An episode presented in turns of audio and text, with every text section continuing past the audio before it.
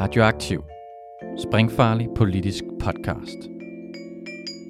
Følg os, like os, del os, læn dig tilbage og nyd en frisk blandet cocktail af skarpe vinkler, dybtegående analyser og farlige debatter.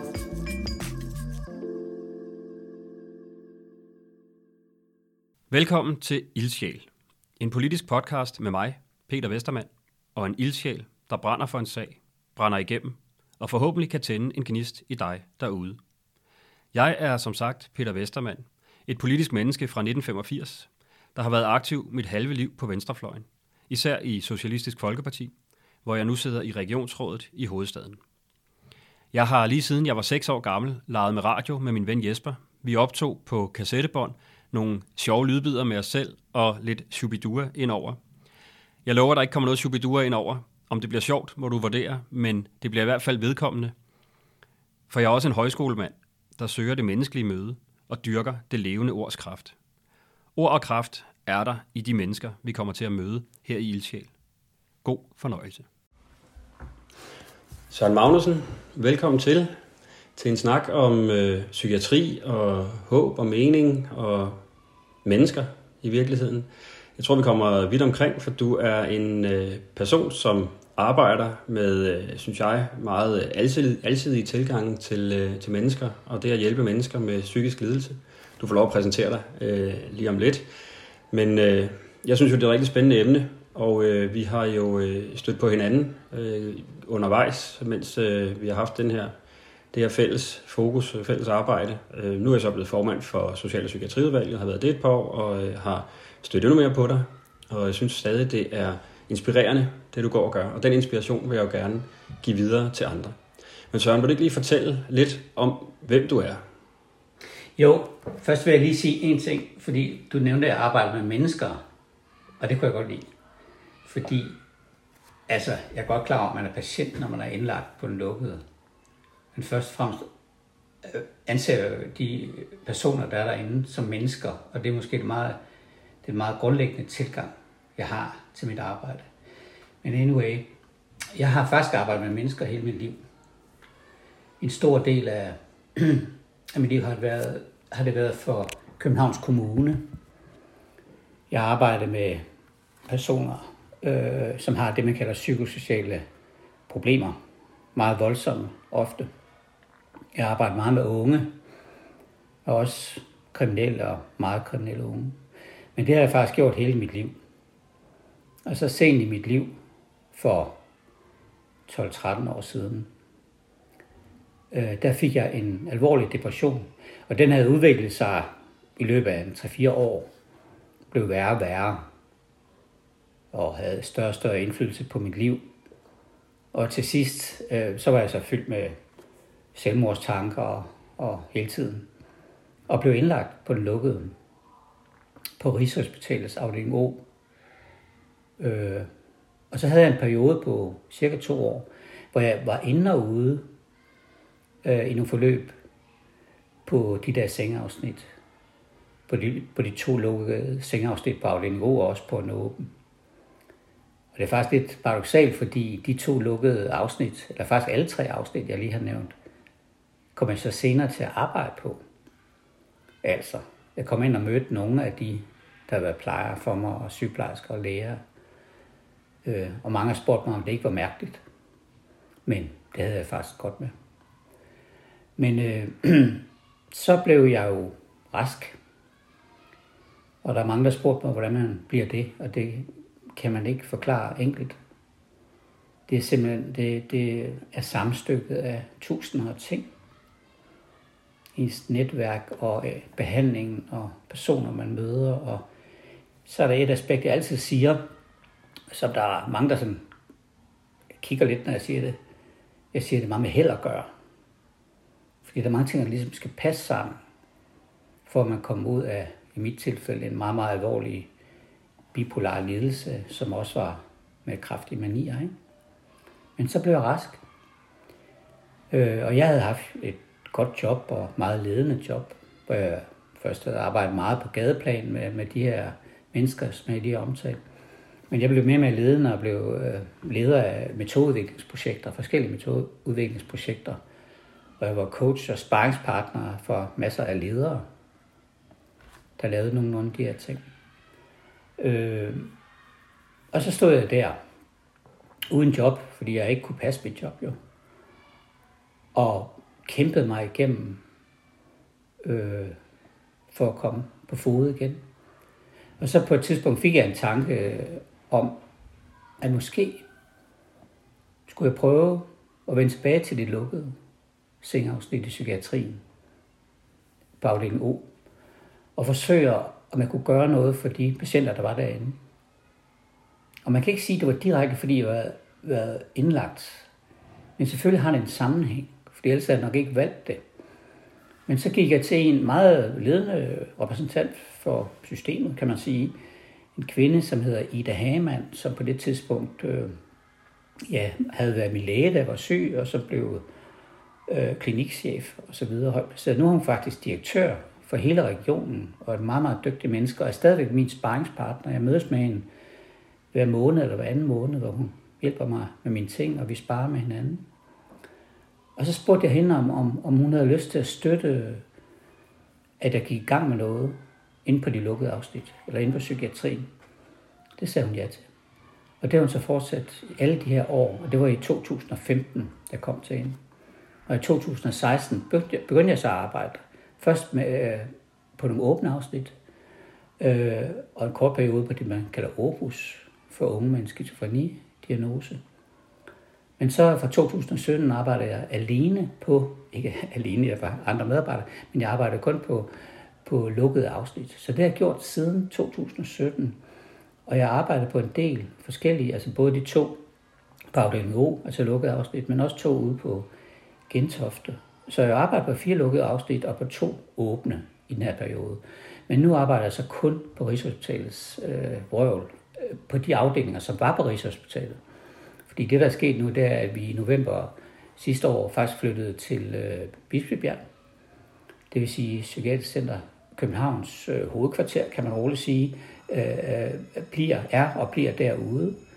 Der er stadigvæk afdelinger, masser af afdelinger på Frederiksberg og Gentofte med mening af, at alle de her afdelinger skal flytte ud til Bispebjerg, der hvor vi er nu. Jeg arbejder så på en, min stamafdeling er en, der hedder afdeling A4. Men altså meningen er, at der øh, på et tidspunkt, det er svært at sige, hvornår det bliver, det ved jeg ikke, 26, 27 eller sådan noget, der vil der være øh, ja, over 200 senge i hvert fald. Måske flere, det kan være, du ved præcis tallet. Men det er kæmpestort. Og så kan man sige, er stort godt? Nej, stort er ikke godt. Men jeg har det fint med, at, at det ligesom er inddelt i små afdelinger. Mm. Øh, så jeg har ikke noget problem i det stort. Faktisk for mig er det lige nu en fordel, fordi jeg har lettere tilgang til de mennesker, jeg samarbejder med og sådan noget. Så jeg er derude, og, og jeg leder af et projekt, der hedder Frirum i Psykiatrien. Øh, det vil sige, at jeg ikke er ansat som peer-medarbejder, men jeg øh, er leder af et projekt. Mm. Og meget, meget kort går det ud på, at jeg skal forsøge at skabe et frirum ved siden af behandling. Ikke som et alternativ til behandling, men ved siden af og som supplerende på en eller anden måde. Øh, og det vil jeg gerne komme ind på senere, hvordan man gør det. Øh, og jeg skal prøve at skabe flere, så mange som muligt aktiviteter, der giver empowerment og ejerskab for patienterne, og glæde, øh, skønhed. Og så har jeg det her ord, jeg kalder almindelighed. Fordi hvis der er noget, jeg mener om de lukkede afsnit, så er det, at de er alt for ualmindelige. Mm. Ja, og lad os komme mere ind på det, øh, Søren. Da vi snakkede om, at du skulle med i den her podcast, der hedder Ildsjæl, øh, så sagde du til mig, at du havde det ord. Så nu har jeg bevidst undgået det, øh, indtil du fik foldet dig lidt ud. Men det er i hvert fald tydeligt for mig, øh, både det du gør, men også det måde du præsenterer det nu, at der brænder en eller anden ild i dig. Du kan fortælle, hvorfor du hader ordet ildsjæl, men, men det, det er jo det, jeg ønsker, vi skal have noget, noget mere af. Og det er jo svært at, det er ikke noget, man kan tvinge frem, men men noget mere øh, gejst og engagement i forhold til at vise mennesker med svære psykiske lidelser, at øh, de kan ting, og mm. at der er noget på den anden side, øh, som, som man kan øve sig på, inden man, øh, inden man kommer derud. Og, og jeg synes jo, det er vildt inspirerende, at øh, du efterhånden også har lavet lidt ringe i vandet. Øh, der var den her øh, dokumentar på DR, Lys på den lukkede, Øh, nu har jeg lavet nogle nye film, øh, som handler om naturen over hegnet. Øh, vi var ude og se dem til en premiere ude hos Sind hvor, hvor du præsenterede dem, og, øh, og det ligger på sind.dk, man kan gå ind og se dem. Nogle rigtig fine, korte film. Men, men Søren, hvad er det, som, som det gør, det her øh, med at, at, at få folk ud i nogle, Øh, som du siger, almindelige situationer? Hvordan kan du sige, det rykker? Det vil jeg godt svare på, men jeg vil lige begynde et andet sted. Fordi nu nævnte du selv den der dokumentar, som hedder Lys på den lukkede. Øhm, og det er et par år siden, øh, at den var fremme på DR. Nu er den der ikke mere, øh, fordi det var aftalen med dem, der var deltagere. Ikke? Men øh, den blev vist, og det var to afsnit, og der var over 600.000 mennesker, øh, der så den, hvis vi tager streaming-tingen med, begge afsnit. Øh, og det, der skete, det var, at, at så blev jeg sgu kendt. Altså forstået på den måde, at da jeg, øh, når jeg gik i byen, øh, og det skete over et halvt år efter, der blev jeg hver dag nærmest, nærmest hver dag, stoppet af nogle mennesker, som jeg ikke kendte, og som bare lige ville starte den film der. Mm. Øh, og det var ikke så meget øh, mig, det handlede om, altså hvor god jeg var, eller et eller andet. Ikke? Det var mere noget med, at den der måde, at de følte, at, at de mennesker derinde blev set i filmen. Nemlig som kærlige, dejlige mennesker. Mm. Vi ved alle, at der kan være ballade ind på lukkeafdelingen, og der kan være voldsom aggression og sådan noget. Men det er, også blevet, det er der blevet fortalt mange gange. Og jeg tror, at folk var rigtig glade for, at det andet også blev vist. Og mange af dem, der stoppede mig, var nogle mennesker, som selv havde pårørende, øh, unge og ældre, som, som, som havde været derinde. Og de vidste godt, at det ikke er så enkelt at sige, at det er et helvede derinde. Men det er mennesker, der er derinde. Ikke? Mm. Øh, så, så folk var sådan på en eller anden måde lettet og glade over det. Og det, det er vel noget af det, jeg prøver. Altså, øh, jeg, altså en lukket afdeling, for det første er dørene jo låst. Og rigtig mange er der mod deres vilje. Øh, det er ikke alle, men det er mange, der er det. Ikke? Og mange har, har lige udført meget voldsom selvskade, eller selvmordsforsøg, eller har i hvert fald selvmordstanker. Og faktisk kan man roligt sige, at de fleste, der kommer ind, er i det, man kalder en psykotisk tilstand. Og det kan være tusind ting. Men det betyder i hvert fald, at, at de ofte reagerer og opfører sig på en måde, som man ville stusse meget over, hvis det skete herude, kan man sige. Og det, der er sådan min opfattelse af psykiatrien i forhold til lukket afsnit, det er, at fordi mennesker, der kommer ind, er i en psykotisk tilstand og opfører sig meget anderledes end herude, så er der utrolig meget øh, lidt bevidsthed om, at man kan tage fat et andet sted, at man, man faktisk kan, kan gøre noget almindeligt samtidig. Øhm, altså fordi de mest ekstreme eksempler er på, at vi har lavet flere salsafester derinde. Ja. At jeg har en kvinde inde, som kommer og danser med nogle af de mest selvskadende piger. At vi har en musiker, som sidder og, og spiller med folk og så videre. Ikke? Jeg husker også øh, særlig en, en scene fra dokumentaren der, hvor øh, du sidder med en, en selvmordstrude og, øh, og skærer øh, græskar ud til Halloween med en meget skarp kniv. Ja. Og, øh, og det tror jeg også, du siger der, det gør jo ikke noget, fordi det kan man godt håndtere, og du er jo i nærheden. Ja. Uh, det er jo sådan lidt, jeg gjorde det jo lidt med vilje. Uh, jeg gør det tit faktisk, sådan nogle ting der, ikke? Uh, men jeg gjorde det med vilje for at vise, at, at det handler om, om man har styr på situationen. Hvis der nu havde været nogle voldsomme patienter lige i nærheden, så kunne jeg ikke drømme om at gøre det. Jeg bruger for eksempel også en spade. Jeg havde en spade frem i går, mm. fordi jeg skulle fjerne noget jord, og jeg var ikke nøjes med sådan en lille håndskov. Men der vidste jeg udmærket, hvem der var hvor. Øh, og jeg havde faktisk en anden medarbejder øh, til at holde den hver gang, jeg ikke havde den i brug. Andre gange kan jeg godt finde på at lade en patient bruge den, mm. men så står jeg en halv meter fra, og jeg ved, hvem der er i nærheden. Øh, øh, men hvad gør det, at du lader dem stå med en spade? Altså for mig er det samme, som jeg snakkede om før, at øh, det er jo almindeligt at skære græskar til Halloween. Øh, det er fuldstændig almindeligt at lave havearbejde. Øh, og, og som ofte sker der jo det, at, at hvis man sætter nogle folk til at øh, arbejde med noget almindeligt, så kommer sygdommen eller lidelsen i baggrunden. Øh, og det er det, jeg gør hele tiden. Altså, jeg, jeg, jeg kan sidde sammen med nogle mennesker, som sidder og snakker med planterne, og vi kan sidde der en halv time og få en enkelt plante i jorden. Jeg kan sidde og Jeg kan få en masse mennesker derinde til at vande, og de elsker det. Fordi det er meditativ. Man kan stå en, en time i vores bortset når der er tørke, så må vi ikke. Men man kan stå rigtig lang tid og vande. Øh, altså vi har en fantastisk have på vores afdeling. Og den har vi fået ved, at alle folk har, altså ikke alle folk, men så rigtig mange folk har doneret planter. Så de sidste 14 dage har vi fået kæmpe portioner ind. Det vil sige, at vi har lavet en have, som er helt anderledes end den have, vi fik tilbudt. Jeg ved ikke, om du har set den. De tæller, vi får tilbudt, det er ikke noget ord på hurra for at være rolig sige. Men det er vores. Og så kan man sige, at vi er sådan egoistiske, der bare vil lave vores egen blærerøvshave. Ja, det er vi. Men når vi har gjort det, så vil vi støtte de andre tre haver derude i at få lavet en rigtig god have. Og du kan det godt finde ud af nogle ting selv. Men vi har bare lettere ved adgang til donationer og sådan nogle ting. Ikke? Øhm, er, er det fordi, du ligesom er slået igennem i offentligheden? Ja, det kan man sige. Ja. Det er det. Altså, jeg, har, øh, jeg bruger min egen Facebook-profil. Det tror jeg ikke, der er nogen andre, der kan finde på at gøre. Hvor jeg har de der 5.000 og en masse følgere og sådan nogle ting. Ikke? Øhm, altså, forleden, for tre dage siden, der fik vi tilbud om en, øh, et rigtig stort fintræ. Ikke bare et lille fintræ. Ret, altså, ja, du ved, halvanden meter højt eller sådan noget. Mm. Altså, så større var det heller ikke. Men med flotte fine på, ikke? Øh, og eftersom jeg ikke har en bil, så, så skrev jeg på min Facebook-profil, er der nogen, der vil transportere det?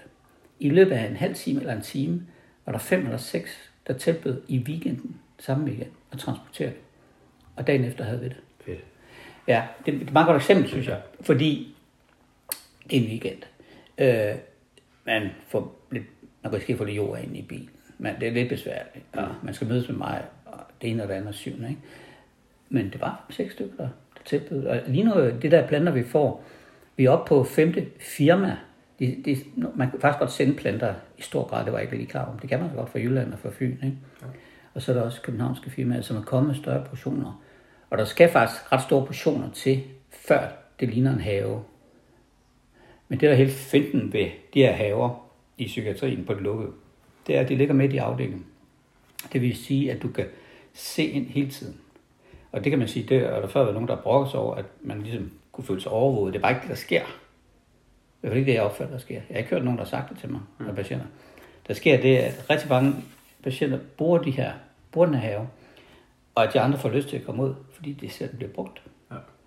Så øh, vi havde også en kæmpe have på Rigshospitalet, som blev helt vild og helt flot. Men der kunne man ikke rigtig se den indenfra. Og den ene afdeling havde faktisk meget stort problem, fordi man skulle ned ad en trappe og sådan noget, mm. du ved, for at komme derned. Ikke? Men her er der altså fire haver. To af dem er akutafdelinger. Ja, ja, men så er man der et stykke tid, så kan man glæde sig i det stykke tid. Ikke? Men hvis du spørger om sådan en effekt, og, og sådan det gjorde du før, ikke?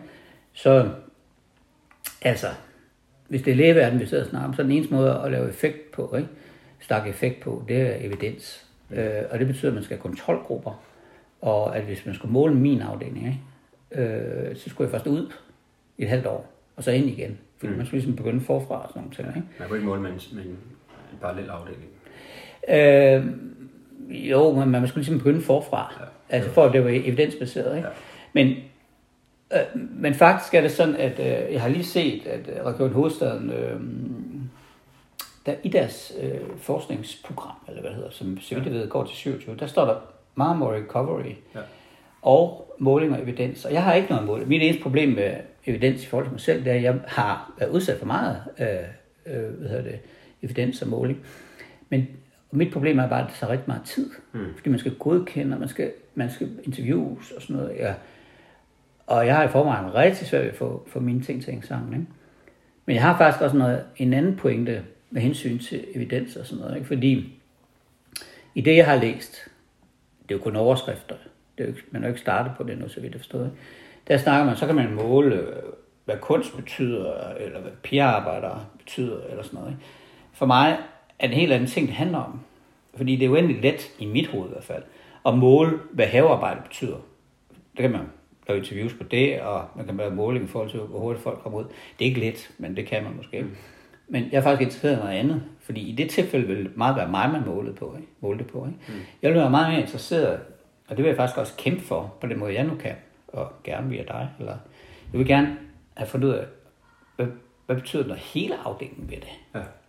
Fordi folk Og flere har sagt, hvad, hvad så når du er væk? Og sådan noget. Ja, ja, jeg er jo væk på et tidspunkt. Og vi må have en ny Søren. Nej, gud skal der have en ny Søren. Altså, mm. øh, fordi jeg er mig, og nogle af nogle andre. Ikke? Men det jeg har fundet ud af efter 2016, hvad alle folk godt ved, ikke? men jeg synes bare, det er så tydeligt for mig, det her, det er ikke, må ikke være en enmandsprojekt.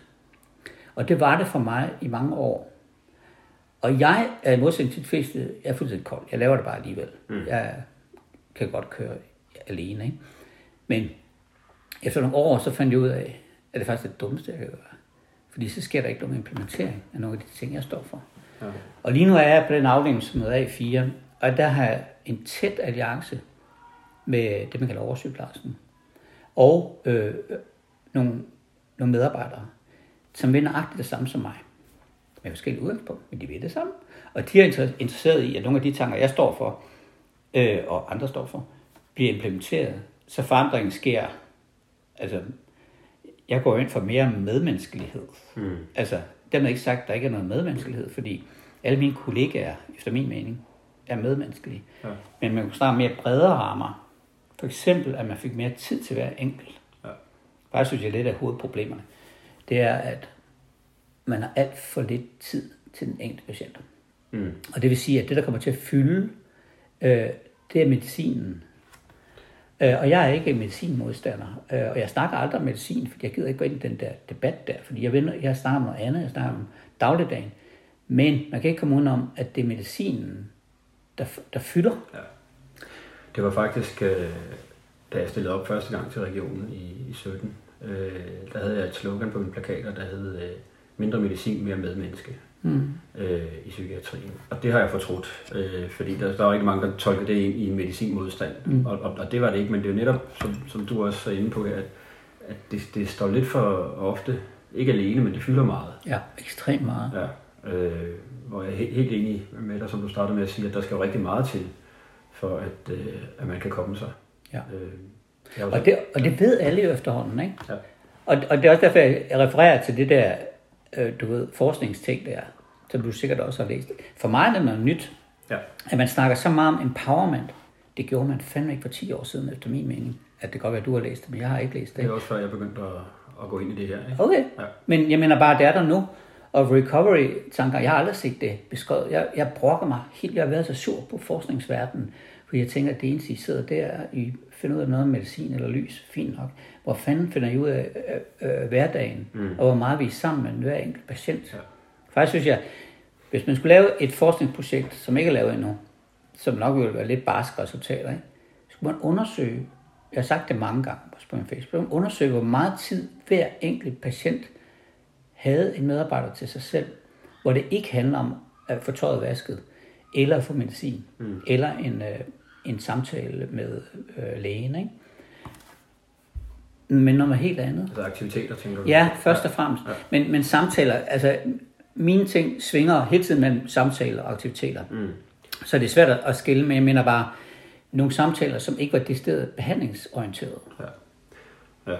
Altså jeg, jeg har noteret mig, øh, når jeg har været rundt, at der er jo steder i, i psykiatrien, hvor der ligesom bliver lagt op, i hvert fald i rammerne til, at her kan du lave noget aktivitet, der kan være træningsrum, øh, der kan stå et bordtennisbord, øh, eller bordfodbold, eller sådan forskellige ting.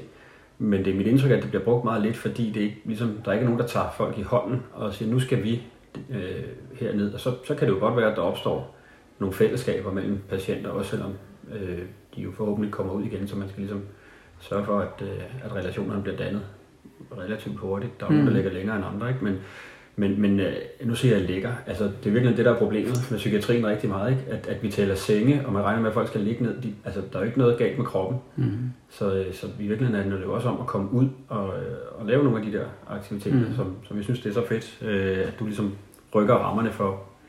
En, jeg synes faktisk, det er en meget interessant diskussion, ikke? fordi jeg synes, psykiatrien, og nu siger jeg bredt, i Danmark, praler med meget lidt.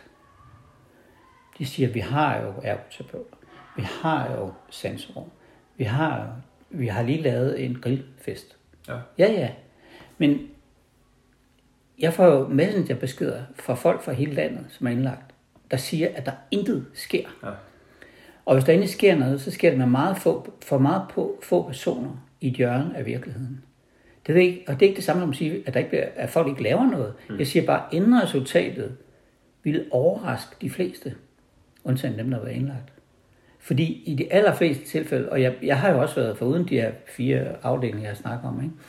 eller seks eller først, hvor jeg har arbejdet, ikke? Øh, så har jeg jo besøgt ret mange gange. Og som ofte, når jeg går ind, kommer ind, så ser jeg bare nogle, nogle gange.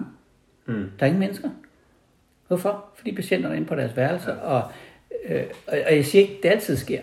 Jeg siger bare, at i gang fordi jeg venner, venner med så mange på Facebook, så ser jeg nogen, der beskriver, at de har lavet brunch, eller grillfest et eller andet sted mm. på lukket, om det er så mm. retspsykiatrien eller et andet sted, det er ligegyldigt, ikke? Og så tænker jeg, fedt, og jeg liker det, og alt muligt, jeg synes, det er fedt, ikke? Ja, så går der bare et halvt år, før det skriver det samme igen, ikke? Ja. Øh, og det er fint nok. Og det samme med koncerter og sådan noget, ikke? Altså, faktisk, jeg elsker, vi laver masser af koncerter, ikke? Men hvis man skulle gøre noget med musik, så kunne man, have en, øh, så kunne man ansætte nogle musikere. Ja. Eller musikterapeuter, eller hvad ja. det hedder, ikke? Ja. Øh, og det bør ikke være fuldtid. Øh, altså vi har for eksempel en, der kommer en eller to gange om ugen, ikke? Øh, det er bare et eksempel. Ja, og det er jo det, der skal til, fordi koncerter er enkeltstående begivenheder. Ja. Det er jo, så er man bare heldig, hvis man lige var ja. indlagt, mens, øh, mens det skete. Ikke? Og er resten nok til at sidde ja. der. Ja, også det. Ja. Øh, jeg, jeg, jeg kunne jo godt tænke mig, at, øh, og det er jo sikkert også, fordi jeg er højskolelærer og missionerer den øh, idé, men, men at psykiatrien blev lidt mere højskoleagtig. Mm. At, at der var forskellige aktiviteter af kreativ eller øh, dannelsesmæssig karakter, som man kunne øh, tappe ind i, når man lige havde overskud til det. Og jeg ved godt, der bliver arbejdet med det. Øh, der er morgenmøder, hvor øh, der bliver præsenteret muligheder for dagen for, for de patienter, der, der har overskud til det. Men ret ofte er det også mit indtryk, at øh, når det kommer til at udføre mange af de her aktiviteter, så er der presset på mandskab. Øh, så, så, øh... Jeg synes, jeg kan godt lide din idé ja. med højskole Ja. Det er faktisk det, jeg går ind for. At man skal have noget, der, der ja, dannelse. Mm. Det er et fedt begreb. Mm. Fanden er der galt i at sidde og, og snakke om noget, der har noget med dannelse at gøre. Ja. Men det gør du også. Du fortalte mig lige, at du læser nogle af de store russiske klasser. For... Men det er bare højskoletanken, jeg godt kan lide. Ja. Altså, at vi tænker lidt, her har vi højskolen for de pæne børn og voksne, ja. ikke? Ja. Og så har vi de skøre der, ikke? de får sgu ikke noget, vel? Altså, det er helt hen i vejret. Mm. Altså, det man jo så skal vide, det er, at man kan risikere at ville en aktivitet, og så er der kun én, der ved det. Ja, ja. Eller ingen. Eller, eller om en time. også på højskolen, kan jeg sige. jeg har okay. jeg har siddet og spillet brætspil med to elever. Ikke? Ja. Altså. men, men jeg kan bare godt lide din tanke. Det, det minder mig om det, jeg vil. Ja. Altså højskoletanke, hvor man, øh, hvor man fylder dagen med spændende ting, som er forskellige. Mm. Fordi det er også en af mine kæpheste, at vi har ligesom gjort musik og litteratur, som jeg bruger helt vildt meget, ja. Ikke? til det fine. Mm. Det udvikler.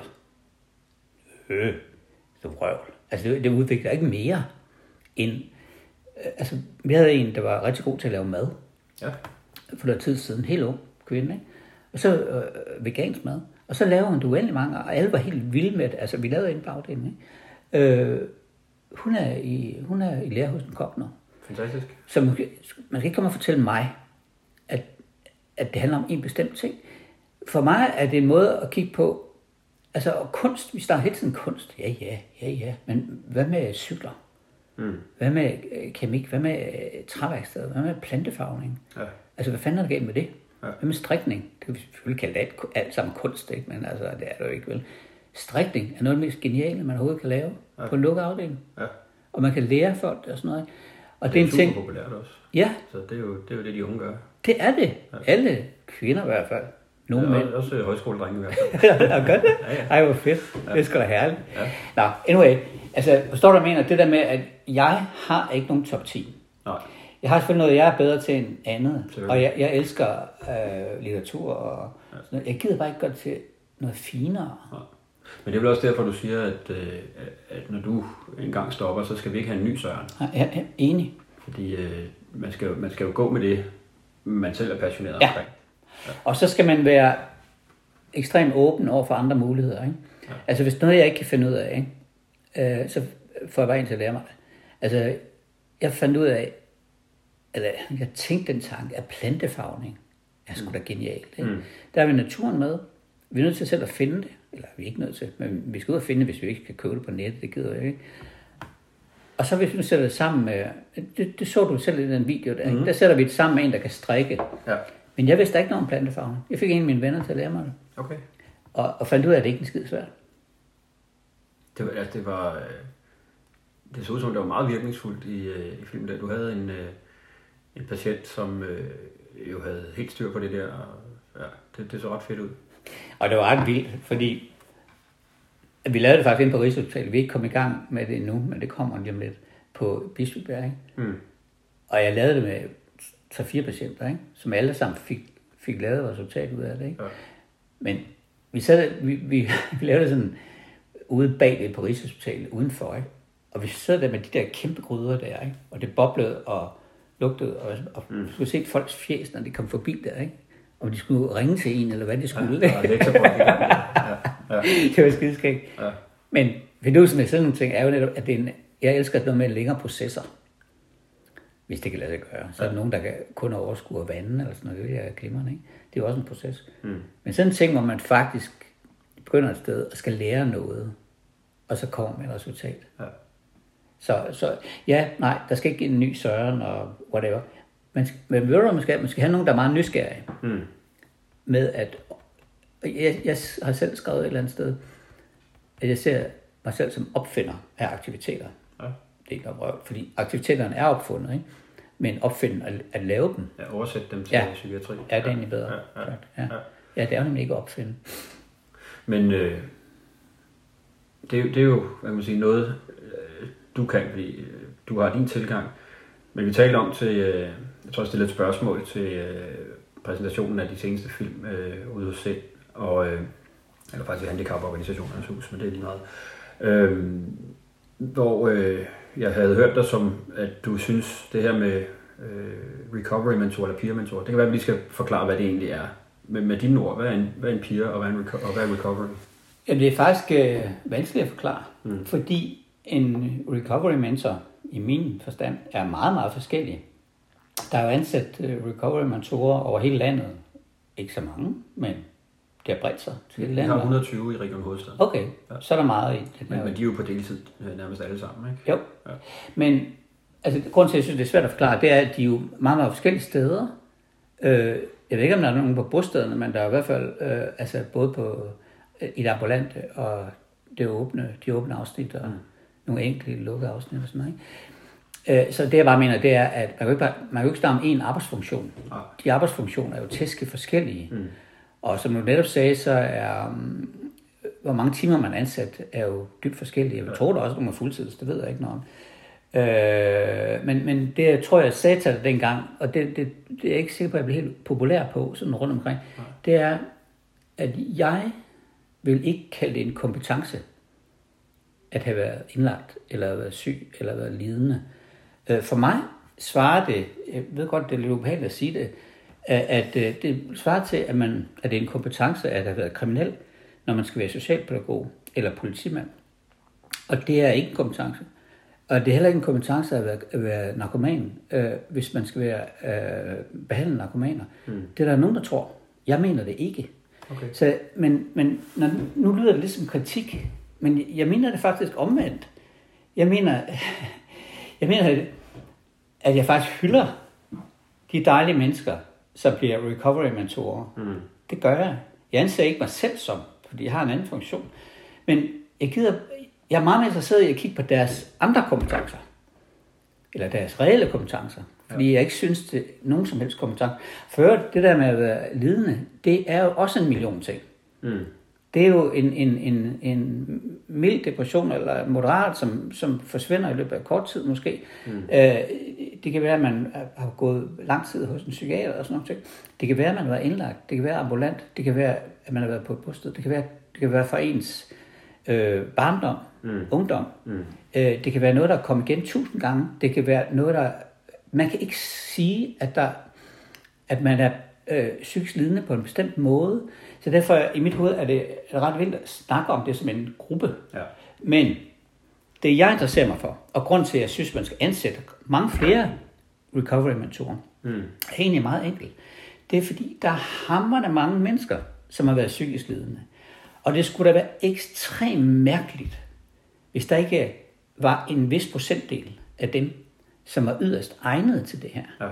Men, men grund til, at jeg sådan synes, Og er- særligt interesseret, det er også din egen historie, at, at du lige pludselig finder ud af, Sure. at det er psykiatrien, der Jamen det tror jeg, men, men så vil jeg bare vente om at sige, der er jo lige så mange, der har haft en psykisk lidelse, som er interesseret i at blive øh, øh, kunstner, eller at blive maler, eller at blive øh, smed, eller at blive folkeskolelærer, eller at blive forsker. Ja. Ikke?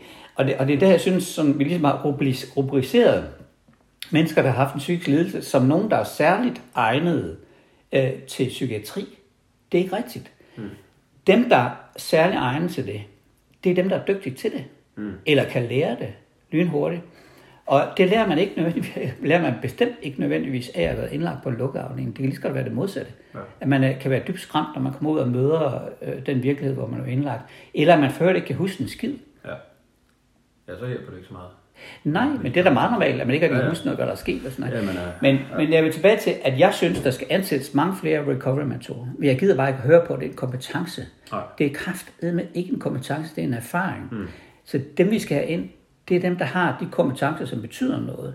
Og det er nemlig øh, noget med relationsarbejde, noget med kommunikation, det er noget med at kunne sætte grænser, det er noget med at være modig, det er noget med at være, ydmyg, det er noget med at kunne opfinde ting og øh, lave aktiviteter og sådan noget. Så derfor vil jeg hellere fremhæve de kompetencer. Mm. Og, og det er jo, altså, jeg kan godt følge, hvad du siger, øh, og i, men i virkeligheden skulle vi så, øh, om, altså man kunne godt kalde en recovery mentor, det, det, der ligger ikke nødvendigvis i det, at man selv skal have været igennem recovery, som vi jo øh, løst betegnet øh, siger, det er det her med, at man kan komme sig så langt, at man kan leve et, øh, et, et, et meningsfuldt liv øh, ud fra, fra de ønsker og værdier, man selv har. Ikke? Øh, det der perspektiv om håb, som, øh, som jeg synes er så afgørende, øh, og som jeg også synes, du giver. Øh, hvor, hvor øh, der, er der ligger ikke nødvendigvis i recovery-begrebet, at man også skal være en peer, altså en, en lige mand eller lige kvinde, der har oplevet det samme. Men fordelen ved at være det, selvom du siger, at det ikke er en kompetence, det kan jeg måske godt gå med på, det er jo, at, øh, at patienten kan spejle sig i det omfang, man bruger sin egen historie som, som mentor. Måske. Øh, Øh, ja. Men hvis du, ja, jamen det kan man nogle gange. Ja. Men hvis du tager en lukket afdeling, så vil, så vil de ting, de oplevelser, øh, har jo alt fra overgreb, voldtægt til, øh, ja, til man er blevet gennembanket, til at ens forældre er på en bestemt måde, eller mm. til at man har været i psykiatrien med anoreksi øh, som 12-årig. Ikke? Altså det, det meget mener, spejle sig i hvad? Ja. Øh, øh, jo, altså jeg, i går sad jeg med en, øh, som jeg ikke har snakket med i lang tid. Og efter jeg snakkede med ham, øh, så spurgte han lidt ind til min historie. Og så fortæller mine selvmordstanker. Cool nok. Så møder jeg en, hvor jeg kan fortælle, at jeg også har haft nogle selvmordstanker, og jeg er kommet ud af det. Der er et eller andet form for match, kan man sige. Ikke? Mm. Men det jeg bare mener, det er, at, at fordi man har haft, selv haft en fortid i psykiatrien, så er det bestemt ikke sikkert, at ens erfaringer matcher Nej, med den anden. det er en god pointe. Det, den køber jeg. Øh, men selvfølgelig vil der være nogen, øh, som, som du siger i går, hvor, eller vedkommende du mødte i går, øh, hvor, hvor det kan være, at det sker. Ja. Øh, jeg synes i hvert fald, det er vigtigt, og det behøver ikke at være, fordi vi skal ansætte folk på den baggrund, men, men det er vigtigt, at øh, folk kan føle sig spejlet og få det her, øh, Ja. det her håb øh, om, jeg kan blive ligesom dig, hvis, øh, hvis jeg øh, hvad kan man sige, er heldig, som du siger, øh, og, og få den rigtige behandling og have de rigtige omstændigheder for at kunne komme i den her recovery-proces. Så derfor er jeg også bestemt for, at vi skal gøre det. Mm. Det eneste mi- mit problem, det er det der med, hvordan man definerer kompetencer og sådan Ja. nogle ting. Ikke? Ja. Og så problematiserer jeg mere. Men jeg vil gerne have flere. Ja, Øh, det, så, det, så derfor er det indviklet for mig at forklare det. Ja, klart. Men det du efterlyser er vel mere øh, aktivitetsmedarbejdere bredt set. Altså, øh, du sagde før, at vi kunne, vi kunne få nogle musikere ind til at lære, øh, mm. lære men, men i hvert fald at, at give folk nogle oplevelser med at spille musik. Ja, det, det, det er virkelig et meget interessant spørgsmål, fordi jo, det er jeg. Men det vigtigste for mig er noget andet. Det er, at hele afdelingen, øh, fra ledelse, øverst ledelse, øh, til hvem som helst medarbejder, mm. beslutter sig for, at recovery eller aktiviteter, eller hvad vi nu skal kalde det, øh, skal være en meget, meget vigtig del af arbejdet. Ja. Så, fordi forstået på den måde, man kan sagtens ansætte en recovery mentor, så kan man risikere, at recovery mentor er alene ude hos patienterne, mens alle andre sidder til møder og sådan noget. Mm. Man kan ansætte en musiker som ikke kan en skid, hvis der ikke er opbakning omkring det. Ja. Man kan få et projekt udefra, som i og for sig ikke har noget at gøre med, med afdelingen, og så skal de komme en gang om ugen og lave nogle ting, og det er fint nok, men det er bare ikke nogen som helst indflydelse på afdelingsstrukturer. Nej. Så derfor er at det, jeg er interesseret i, det er lave hele afdelingen om. Mm. Og det er jo, siger jeg jo også på baggrund af mine erfaringer fra 2016, hvor, det, hvor jeg faktisk har indset, hvor, hvor vanskeligt det er. Ja. Så derfor er man nødt til at, er man nødt til at se på det, både for høj, høj ledelse, mm. og så til afdelingsledelse og, og ned, og så beslutte sig for det. Ja. Fordi det andet er fint, øh, altså hvis der kommer nogen en gang imellem og sådan noget, men, men det har bare ikke nogen effekt. Altså en peer-medarbejder skal samarbejde, efter min mening, der laver aktiviteter, skal samarbejde med, med, altså, i, øh, med en afdeling, som vil noget større, eller en medarbejder laver aktiviteter. Mm. Nu, nu sidder jeg og generaliserer, og og så sidder der måske nogen og tænker, sådan gør vi jo også, eller vi gør ikke sådan. Jamen det er jeg sådan set lidt ligeglad ikke? med, fordi jeg har set mange forskellige konstruktioner. Ikke? Ja. Og jeg tror på én ting, jeg tror på den. Det er faktisk derfor, jeg siger flere gange, at jeg mener, at man skal lave en kulturrevolution Mm. på en afdeling. Ja, det kan godt Det er ret store, det er ret store ord, ikke? Jo. men jeg bliver ved med at sige det. Det er fordi, der, hvis du skal lave hverdagen om, og hverdagen i godsøjen, fordi det er en mærkelig hverdag, ikke? så er det noget gennemgribende, Mm. der skal til. Ikke et lille projekt udefra, Ja. eller nogen, der øh, laver baning i lang tid. Det skal køres ind i organisationen. Er, er du med på øh, faste møder med resten af afdelingens personale, hvor, hvor der ligesom bliver planlagt, hvad skal der ske den næste øh, hvad kan man sige, uge, øh, eller hvordan, hvad for noget behandling er. Jeg ved godt, du skal ikke ind over behandlingen, men hvis du virkelig skal være en integreret del af en afdeling, så skal du vel også være, altså skal din, dine aktiviteter også være en integreret del Ja. af planen for... Problemet er, at hvis jeg gør det, ja. jeg deltager ikke i nogen som helst møder, undtagen hurtige møder med ledelsen og sådan noget. Ikke? Ja. Øh, og jeg sidder, jeg sidder aldrig på, på personalekontoret. Nej. Nogensinde. Nej. Øh, med mindre, jeg, jeg tror, jeg sagde det på et tidspunkt, at, at hvis jeg skal hente noget gaffatape, mm. og det er rigtigt, Mm. øh, jeg går ikke derind. Nej. Øhm, For ikke at blive en del af den der behandler. jamen, det er også for ikke at bruge tiden. Ja, ja, det er klart. Jamen, det er en meget væsentlig pointe. Det er begge dele. Mm. Men hvis jeg sidder derinde, at det der sker, det er, hvis man går meget ind på et personalrum, så går man mere derind. Mm. Det er ren psykologi, og det foregår på alle arbejdspladser, tror jeg faktisk, i forhold til kontor. Ikke? Ja. Så hænger man ud der, øh, ikke fordi man er doven, men fordi der er kammeraterne, eller rettere sagt, der er de andre personaler. Ikke? Ja. Jeg er jo interesseret i, at man skulle tømme kontoret for alt, der ikke er nødvendigt, kan man sige. Ikke? Mm. Men din overordnede problemstilling handlede om, om øh, altså, Hvordan integrerer man Ja. ja. hvis, hvis du ikke er en, en del af personalegruppen? Ja, jamen, der er ikke nogen enkelt svar. Nej. Men det enkelte svar for mit vedkommende, det er, at jeg skal blive ved med ikke at deltage i nogen som helst møder. Mm. Fordi så vil jeg øh, bruge 50% mindre tid, eller mindre, endnu mere, mm. sammen med patienterne, hvilket mm. vil være en katastrofe for det, jeg vil. Ja. Men jeg har faktisk fundet løsningen, fordi øh, der er jo nogle bestemte, altså både øh, oversygeplejersken og nogle bestemte medarbejdere, øh, dem snakker jeg med Ja. mest i hverdagen, sådan her nu, bang, bang, bang. Og de tager mine synspunkter med ind i personalegruppen. ja, okay. Trækker du så øh, personale, sygeplejersker og øh, social- og sundhedsassistenter, hvem der nu er på en afdeling, øh, trækker du dem ud i dine aktiviteter så? Det er, det er det, vi prøver nu. Ja. Det vi prøver, ikke? Det er, altså vi har en almindelig behandling her, og så har vi et frirum her, ikke? Mm. Øh, jeg har meget været alene, selvom jeg har haft ekstremt meget accept for ledelsen, ikke? Vi prøver at nærme det hele meget mere hinanden. Ja. Vi prøver, at jeg stadig beholder min frihedsgrad, men vi prøver alligevel at blande noget af det her. Jeg har været ekstremt forsigtig med at blande det, Mm. og sagt, at jeg ikke ville. Fordi jeg vidste, at hvis jeg kom over i det her, så ville jeg, det var ikke fordi jeg var bange for det, men, men så ville jeg komme til at bruge for meget tid på det. Ja.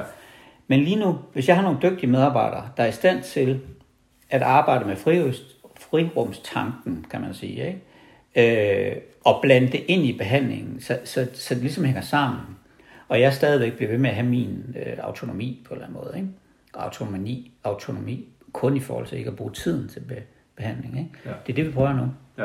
Det er faktisk øh, meget interessant at spørge, fordi det, det er meget indviklet størrelse. Mm. Men det er den, vi har besluttet nu, at det er det, vi vil prøve. I hele afdelingen. Øh, ja, Fedt. altså det er jo afdelings, det er jo oversygeplejersken, Ja. ja. der og sådan, ikke? Og jeg tænker da, at, alle i personalegruppen synes det, altså det håber jeg da, synes det er spændende at komme ja. ud og... Jamen, der, der, jeg, har, jeg har ikke noget som helst modstand for den personalegruppe, jeg sidder i, så det er også grund til, at jeg er positiv over for, at, at det måske kan lykkes, ikke? Tror du, det er sådan noget, altså nu øh, leder vi jo med lys og lygte efter flere medarbejdere alle steder i sundhedsvæsenet, også i psykiatrien. Øh, er det sådan noget, tror du, der, der er med til at gøre det mere tilfredsstillende at være medarbejder? Spørger jeg meget ledende. Øh, svaret er meget ledende, ja. Ja. Det tror jeg, altså fordi nu er der mange årsager til, at der faktisk er svært ved at få medarbejdere til psykiatrien. Mm. Ikke? Øh, en ting er selvfølgelig løn og sådan noget, men det kan jeg ikke gøre noget ved.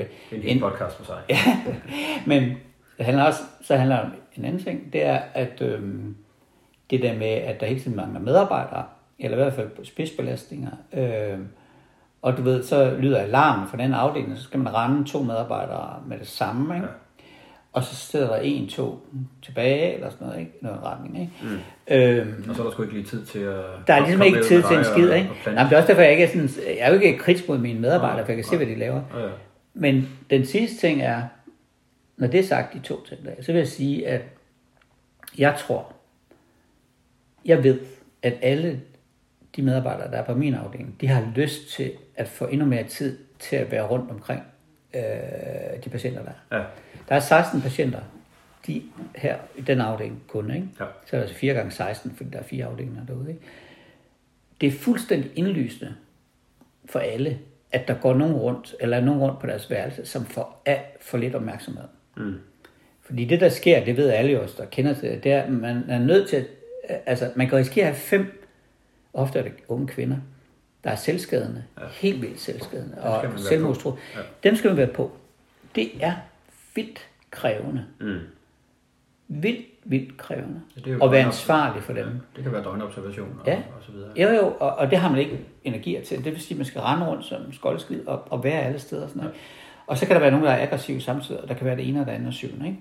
Ikke? Øh, og det, der så sker, når man, er, når man ikke er nok, og man kan altid diskutere, hvad er nok, det kan jeg ikke svare på. Jeg kan ikke svare på, hvor man skal ansat. men, men du oplever i hvert fald, at, øh, at der godt kunne være flere. Ja, det gør jeg i hvert fald.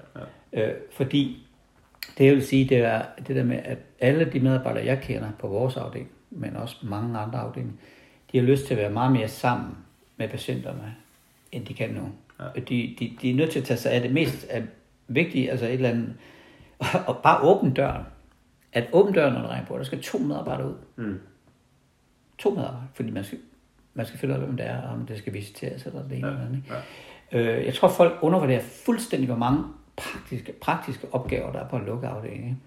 Ikke? Øh, så det er også for, at jeg, altså jeg kan godt være kritisk over, at man vender sig for meget til personalrummet, ikke?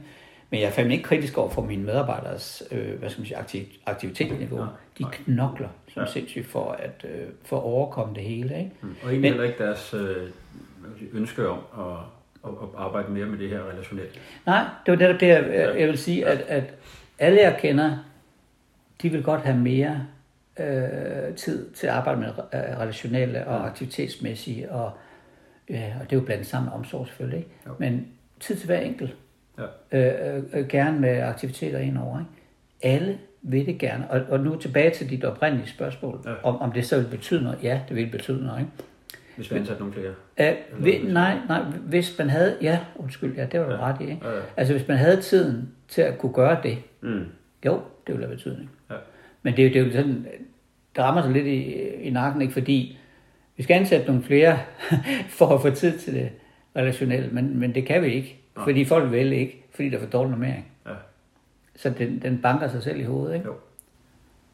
Jo, og det, den øh, komplekse løsning der på det, den, øh, det er jo noget, vi, vi prøver at danse lidt omkring og, og finde. Øh, her så noget af det sidste. Øh, nu kan jeg godt mærke, at den her podcast bliver lidt længere, end den plejer, men jeg synes, det, det er voldsomt interessant, det her. Øh, hvordan, hvordan vil du se, hvis, øh, nu sagde du selv, at der er mange frivillige, der gerne vil hjælpe til med, med nogle praktiske ting. Kunne man øh, inddrage øh, frivillige noget mere? Altså et lukket afdeling er selvfølgelig et sted, hvor man øh, skal være ret pålidelig og øh, kunne håndtere øh, tavshedspligt og alt sådan noget der. Men i, i presset sundhedsvæsen, og ikke mindst psykiatri, er der så nogle ting, der kunne løftes af, af frivillige? Øh, jeg bruger frivillig hele tiden, Ja. og har gjort det altid. Øh, og jeg, jeg blev interviewet til den der nye bog om, om øh, hvad hedder det, Afdeling O's historie. Ja. Og jeg tror, jeg siger, at øh, ja, har brugt mindst 200 frivillige hen ad vejen, og mange flere, der har givet en hånd med og sådan noget. Ikke? Ja. Øhm, men men det, det er indviklet at svare på, om det vil løse nogle problemer, eller rettere sagt, om det vil hjælpe systemet. Mm. Det tror jeg ikke. Lad os sige, den der musiker, du talte om, der kunne komme ind. Altså, mm. det kunne måske være en frivillig. Ja, men det jeg bare vil sige til dig, det er, at grund til at ikke svare på, mm. at det vil løse nogle problemer, mm. eller hvad vi nu skal kalde det, for psykiatrien, det er, at på lukker, altså jeg tager ikke nogen ind, uden jeg er en halv meter fra dem. Nej. Jeg tager ikke nogen ind, uden jeg snakker med dem inden, altså også på dagen. Hvad er den aktuelle situation? Jeg tager ikke en ind, uden det bliver bearbejdet bagefter. Mm. Fordi ting på en lukket afdeling kan løbe sådan der, blive voldsomme Ja. og hæftige og sådan noget. Ja. Så derfor, samtidig med, grund til, at jeg tager folk ind, det er, hvad skal man sige, rollemodeller, eller, eller lave nogle spændende aktiviteter, som jeg ikke kan selv, og sådan noget, ikke? Øh, og, og, og så patienten kan se, at der er nogen, der gider interessere sig for dem, ikke? Ja.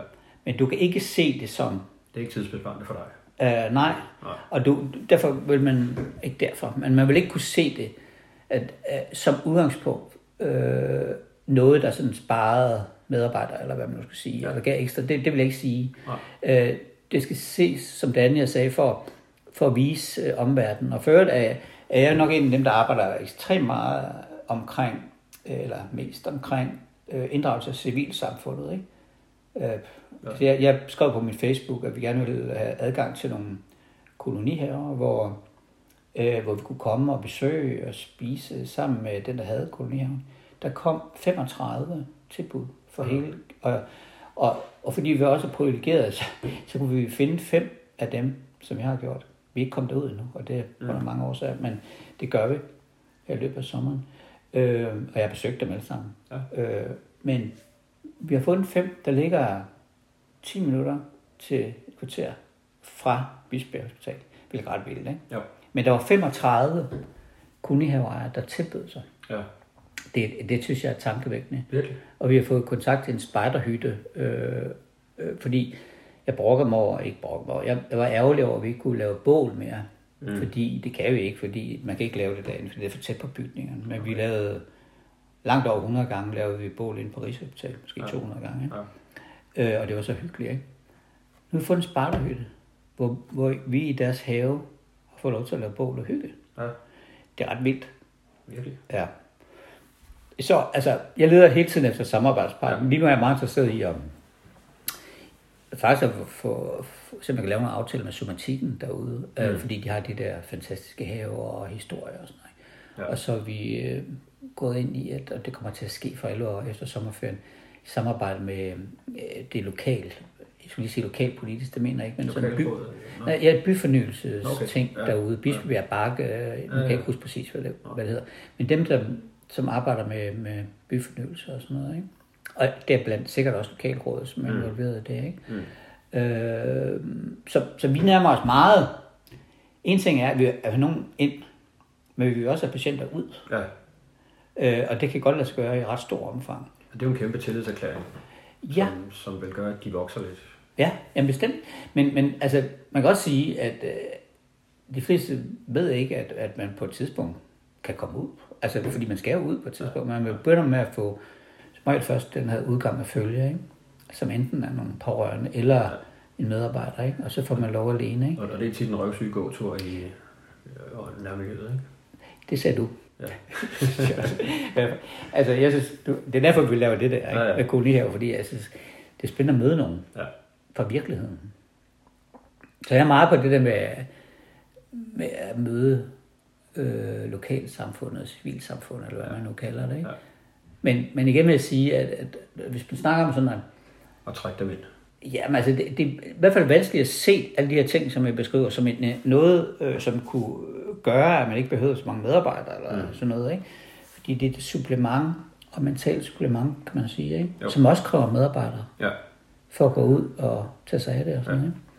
Hvis jeg skal løfte, løfte op på sådan lidt det, det, det plan, øh, vi sidder og arbejder med i Regionsrådet, der laver vi budget og sådan noget. Vi, vi kan jo ikke rigtig gå ned på den enkelte afdeling og sige, I skal gøre sådan her. Men, men øh, altså noget af det, vi kan gøre, det er jo for eksempel at sætte nogle penge af til, til flere mentorer eller aktivitetsmedarbejdere, hvis vi skal kalde det det. Det synes jeg er en spændende vej at gå. Vi kan også fortsætte arbejde, det skal vi også på at få flere fastansatte med, med de sundhedsfaglige kompetencer eller nogle pædagogiske kompetencer, det skal vi også gøre. Men en ting, som jeg ikke ved, om, om vi kan påvirke, men det kunne jo også være at gøre dem, vi allerede har, øh, bedre til at lave noget af det, du kan. Øh, det kunne være noget efteruddannelse på dem, vi allerede har. Det kunne også være noget uddannelse på, øh, lad os sige, sygeplejerske. Øh, hvis, hvis man vælger at arbejde med psykiatrien, så, øh, så skulle man have et enkelt modul om aktivitets- øh, og relationelt arbejde. Jeg ved ikke, hvor meget man har det i forvejen, men, men jeg tænker, at du har ikke været ude at undervise. Jo, faktisk, faktisk så med en, en, øh, der er noget, der er specialsygeplejerske, som en overuddannelse. Ikke? Ja. Der er vi begyndt at, at mødes med, med de studerende. Vi gjorde det her i foråret, og Ja. skal gøre det næste år også, Spændende. og fortælle om det, vi laver. Ja. Og specialsygeplejersker, alt andet lige, så er der jo nogen, der er sådan rimelig meget indflydelse på en afdeling, tror jeg. Ikke? Mm. Men jeg synes, det du siger er fint om jeg, altså, som jeg har sagt flere gange, det der med, jeg er meget optaget af det der med, hvordan en afdeling kan gå ind i det her. Ja. Så derfor er jeg godt forstå, at I som region ikke kan gå ind i enkelte afdelinger, men alligevel, altså hvis man alligevel skal lave forskning og ting og sager, altså jeg er bange for, at hvis man ser det som enkelt ting, altså, øh, men hvis man ikke ser det som afdelingsopgave, Mm. altså i mit hoved skulle man prøve at finde to øh, afdelinger, lukkede afdelinger, som havde mod på at lave hele afdelingen om, mere om mm. recovery-orienteret aktivitetsting. Ikke? Ja. Og det kunne I jo selvfølgelig ikke bestemme som region, hvem, det- hvem det skulle være, men vi, vi Jo, vi, vi kunne sikkert godt lave et forsøg at sætte en, nogle få midler af til at sige, nu, nu laver vi et pilotprojekt, som man kalder det. Ikke? Øh, det kunne være interessant nok. Nu kan jeg jo ikke øh, tale for, hvad min ledelse vil være med til, men jeg vil gerne. Ja.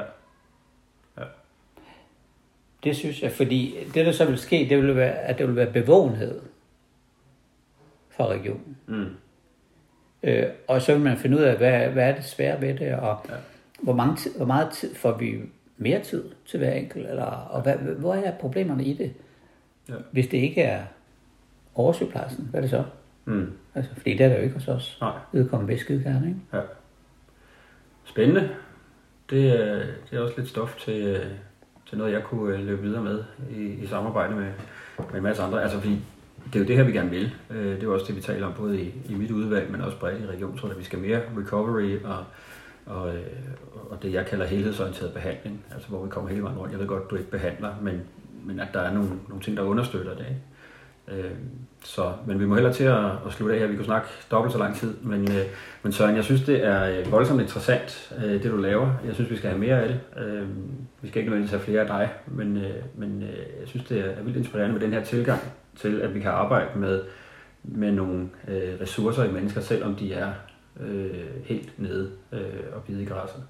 Det synes jeg er vildt interessant. Søren, her til allersidst, hvorfor er det, du ikke kan lide ordet ildsjæl? Fordi at jeg forventer meget mere af en ildsjæl, end sådan en som mig. Og fordi at det vi normalt kalder ildsjæl, eller sådan en som mig, får en masse personligt ud af at lave det, man gør. Øh, jeg kommer i fjernsyn. Jeg sidder og snakker med dig. Mm. Og, altså, det er jo sådan prestigefyldt, ikke? Så man får en hel masse igen. Det er bare fordi, jeg har en helt anden definition. Ildsjæl, det er modstandsfolk under besættelsen, Mm. som har alt at tabe. Ja, Ja. derfor. Stærkt. Jamen, øh, jeg tror, vi har øh, alt at vinde ved at styrke psykiatrien på, på måder, som, øh, som du har været inde på her. Tusind tak, Søren. Selv tak. Åh oh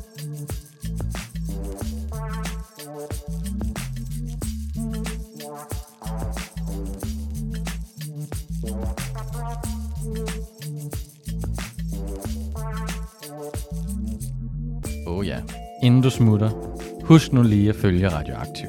Vi er på Facebook, Twitter, på SoundCloud eller i din podcast-app. En række af vores podcasts udkommer også som video på YouTube. Du må også gerne dele os med dine venner. Hvis du er ellevild, så kan du gå ind på solidaritet.dk og blive medlem af vores mediehus.